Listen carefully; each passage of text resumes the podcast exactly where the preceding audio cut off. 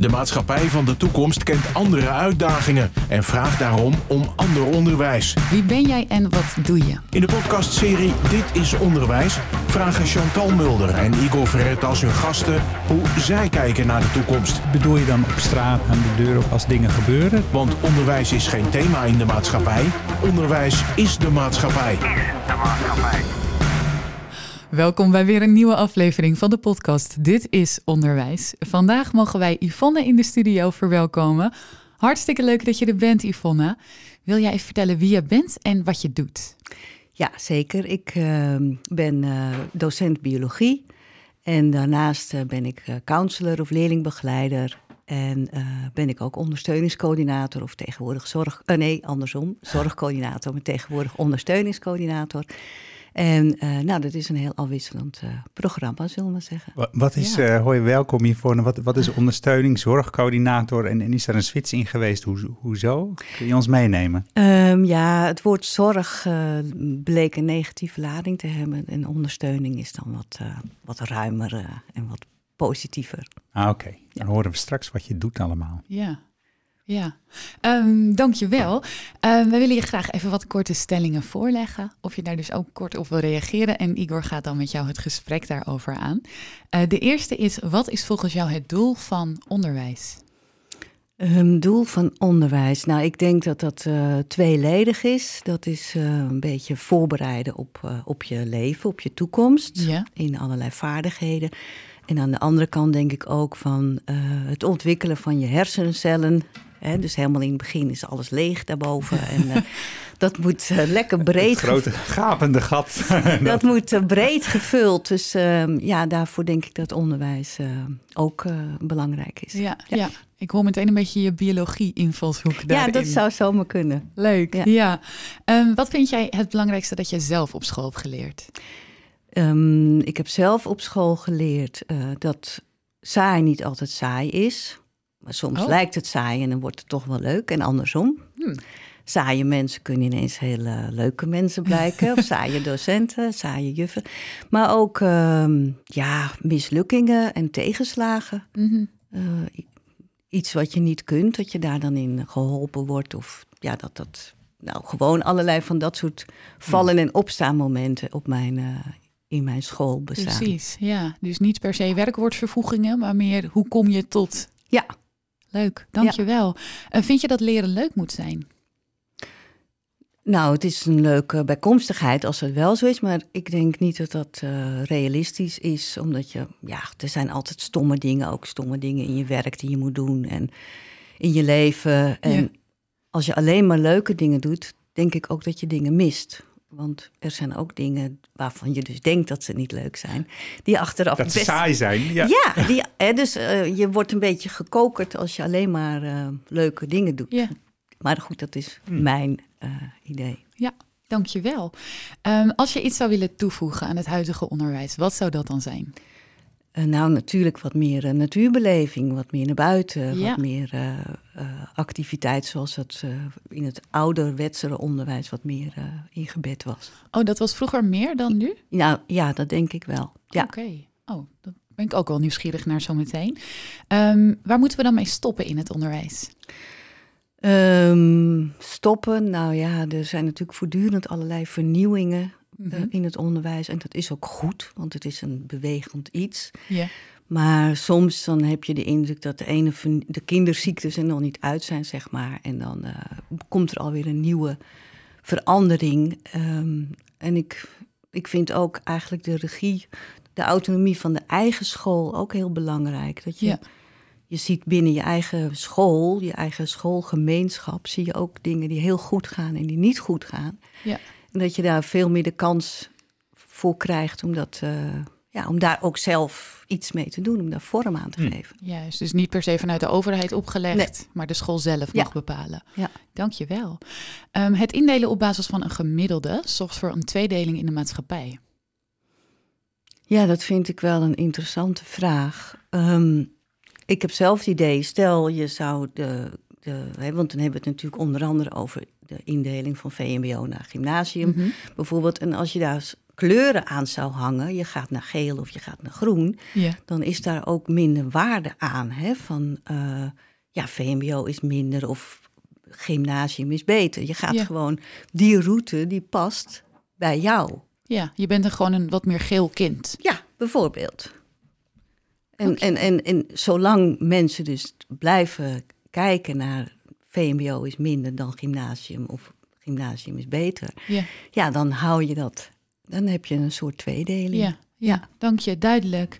Ehm, toetsen en cijfers geven werken demotiverend. Nou, dat vind ik niet. Ehm, ik spreek heel veel jongeren en ik hoor ook vaak dat ze het eh, als een positieve bekrachtiging zien als ze hard gewerkt hebben voor iets. Ja, En ze krijgen de check, want eigenlijk is de, de toets de check. ja, Ehm, ja, dat is, heeft ook weer te maken met leren omgaan met tegenslagen. hè. Mhm. Leren omgaan met dingen die je niet goed kunt, waar je je nog in kunt eh, ontwikkelen. Ja. Dus niet per se demotiverend. Ik denk ook dat weer, dat is ook weer heel individueel. De ene vindt het helemaal niet leuk en de ander vindt het lekker om een cijfer te krijgen. precies. Ja, ja. Ik ken een, eh, een kleine anekdote over, over jou, Yvonne. Dat jij Oh. in jouw toetsen, of nu als jij je toetsen afneemt bij leerlingen, dan schijn jij er dropjes bij te geven. Eén Klopt dat? dropje. Eén dropje. En waarom is dat? Dat ene dropje, dat mogen ze dan nemen als ze een vraag tegenkomen die ze, waar ze over na moeten denken. En dan moeten ze achterover gaan zitten en dat dropje nemen.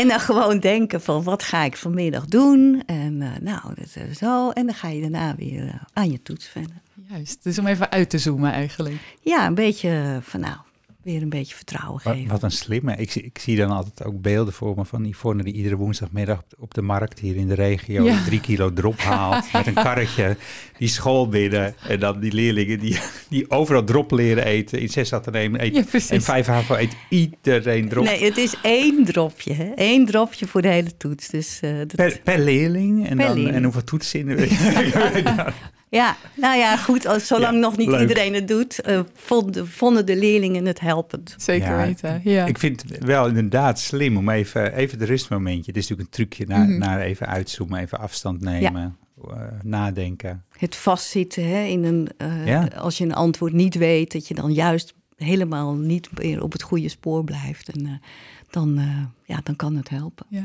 superleuk. Chantal, zal ik voor jou voortaan ook een dropje neerleggen? Ja, alsjeblieft. Dat helpt me sowieso met concentreren wat Dat, beter.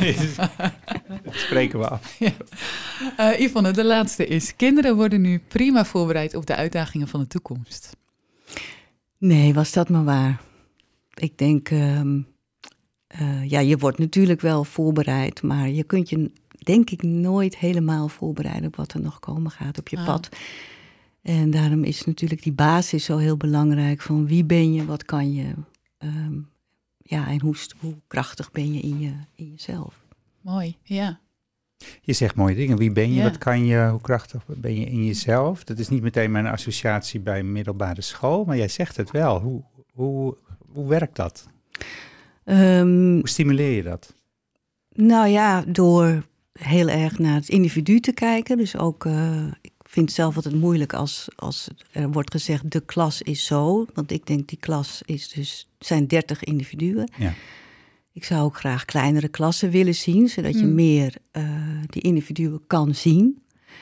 En dan kun je daar ook veel beter op inspelen. Want wat doet dat met iemand die een 6 krijgt? Hè? Er zijn natuurlijk ook jongeren die teleurgesteld zijn Mhm. in een 8. Nou, dat vind ik, dat zegt iets over diegene. Dus ik vind eh, ja, de, de individuen heel erg belangrijk. Dus daar toch ook die, niet, niet alleen heel on, oneerbiedig zeg ik door, eh, eh, lesstof overdragen, lesboer, maar je bent pedagoog, klinkt het, opvoeder. eh, Ja, ik denk alle, alles een ja. beetje, ja. Ja, ja. en dat, dat lukt. Heb je daar tijd voor? Nou ja, dat nogmaals, 30 leerlingen is Ja. veel. En ik vind ook altijd heel belangrijk dat je. Er zijn altijd leerlingen die op de voorgrond treden. Er zijn altijd Mm. leerlingen die, waar je een zwak voor hebt. Maar ga ook eens contact zoeken met de leerlingen waar je elke les mee worstelt. Mhm. Hè? Ehm, dus inderdaad, die, die, die hele diversiteit, die hele mix die voor je neus zit. Ja, daar vind ik wel heel belangrijk om daar energie in te stoppen. Om ze te kennen, Ja, eigenlijk. voor zover dat dan kan. Ja, Ja, en die uitdaging van de toekomst, eerst het nee, was het maar waar, dat is nooit genoeg.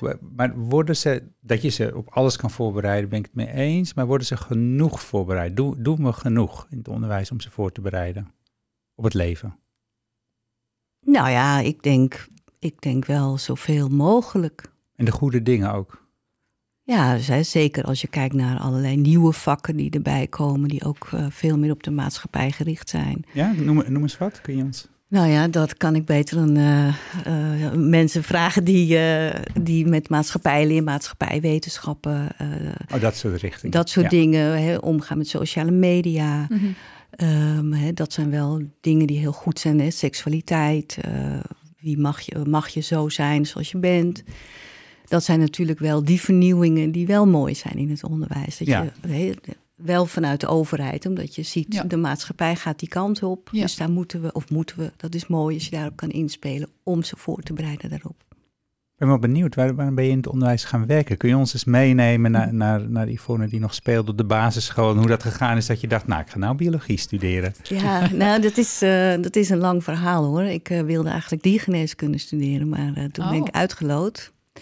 En uh, nou, toen ben ik via alle omzwervingen in een dierenasiel gaan werken. Oh, als uh, dierenverzorger. En, ja? uh, Waar was dat? In Amsterdam. Ja. En nou, daar, ja, daar heb je elke week, elke dag help je dieren. En dan het weekend staan er weer nieuwe zielige dieren voor de Mhm, deur. Dus ja. dat... en toen ben ik in de advocatuur uh, verzeild geraakt. Uh, Dat is een logische stap. Heel wat anders, ja. Sociale advocatuur. Dierenrechten, dierenrechten. Maar dan uh, voor uh, krakers en Chilenen. Dat is natuurlijk Oh. allemaal al lang geleden. Um, maar ook daar heb je, ja, je helpt een aantal mensen. En er staan Hmm. voortdurend weer Hmm. nieuwe... Er zat al zorg in. Er zat altijd al zorg in, ja.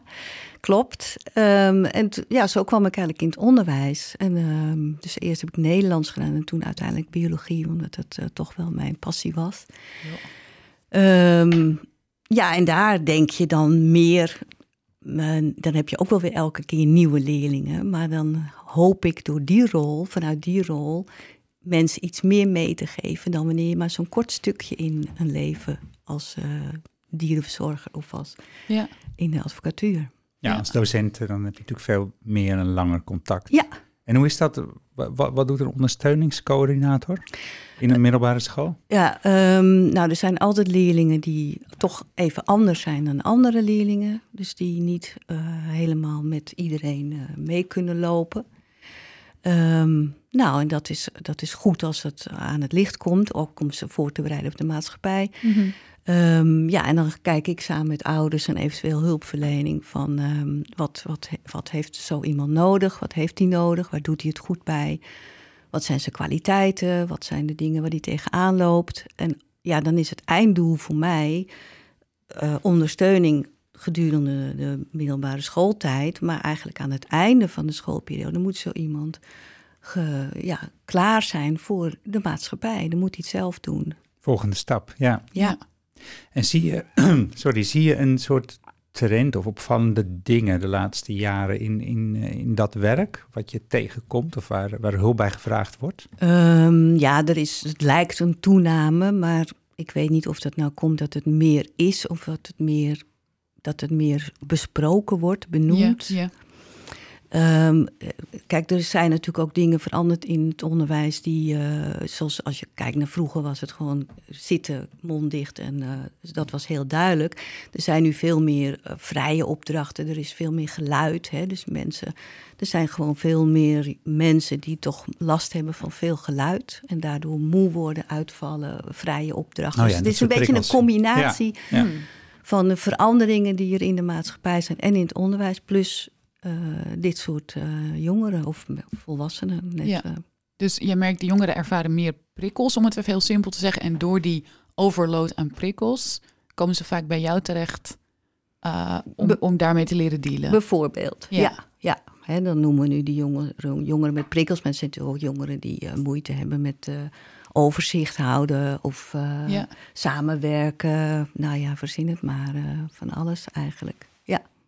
Ja. Dat klinkt alsof jij eigenlijk heel erg uh, onderwijs op maten biedt. En dat je kijkt naar wat, wat zijn de, de skills of de vaardigheden die deze persoon extra nodig heeft, die Ja. je misschien niet standaard meekrijgt in het onderwijs. Ja, het is inderdaad maatwerk, want iedereen is echt heel anders. Ja. En het is ook dus heel bewust maken van, ja, hier ben ik goed in en dit, ja, dit kan ik gewoon nog leren of dit zal ik mi- misschien wel nooit kunnen. Hè? Dat, Ja. eh, dat is ook een stukje acceptatie wat soms eh, belangrijk Ja, is. waar je ook aandacht dan aan Ja. besteedt. Ja. Ja. En nou had je het over die onderwijsvernieuwingen. Je zegt, nou, je gaat al even gemeenteonderwijs. Je ziet daar misschien een soort ja, cirkel in van, nou, dit komt weer terug of dat loopt of weer een vernieuwing. En dat is goed, zeg je. Maar ja, het blijft ook wel weer wat. Heeft dat nou ook te maken eh, met wat je net schetst, met die prikkels en dat soort dingen? Ehm, Heeft er daar invloed op? Die vernieuwing, dat, dat, nou ja, meer vrije opdrachten, meer open ruimtes, meer... Nou, ja, nou, ik, misschien heeft dat wel ook invloed op de docenten. En de docenten wordt, daar wordt ook heel veel flexibiliteit van gevraagd en Hm. aanpassingen. En eh, heel veel dingen tegelijk doen. Eh, ja, dat, dat, dat kost gewoon best wel veel, eh, veel ene- energie van iemand. Om het allemaal vol te houden. En als er dan ook nog heel vaak veranderingen en vernieuwingen zijn. En waar dan niet iedereen zich senang bij voelt. En dat zijn allemaal. eh, Wat, wat is voor jou de, de- een vernieuwing geweest waarvan je zegt, nou, dat was echt de afgelopen, neem de afgelopen twee decennia, echt top. Blij dat dat gebeurd is. Ehm, nou, dat er wel wat ehm, meer wordt nagedacht naar inderdaad die individuen die niet goed mee kunnen komen. Dat je daar wat makkelijker, ik noem het altijd maar een arrangement maken voor zo Ja. iemand. En dat iemand niet vijf dagen in de week naar school moet als het iemand dus zoveel energie kost. Mhm. En, Een stukje eh, aanpassing in de, in de belasting van het onderwijs, Ja. zoiets. Ja, ja. En dan heb ik het dus niet over de, de, de onderwijsvernieuwingen die er zijn op eh, wat studiehuis en eh, nou, middenschool, Ja, ja, ja. basisvorming. Ja, ja. Maar dan heb ik het nu even over mijn vakgebied, Ja. zeg maar. De ondersteuning in de zorg, ja. ja. Ja, Ja. Dus dat is goed geweest. Nou, en als het gaat over je vak, eh, biologie. Vroeger zei je, gingen we veel meer naar buiten.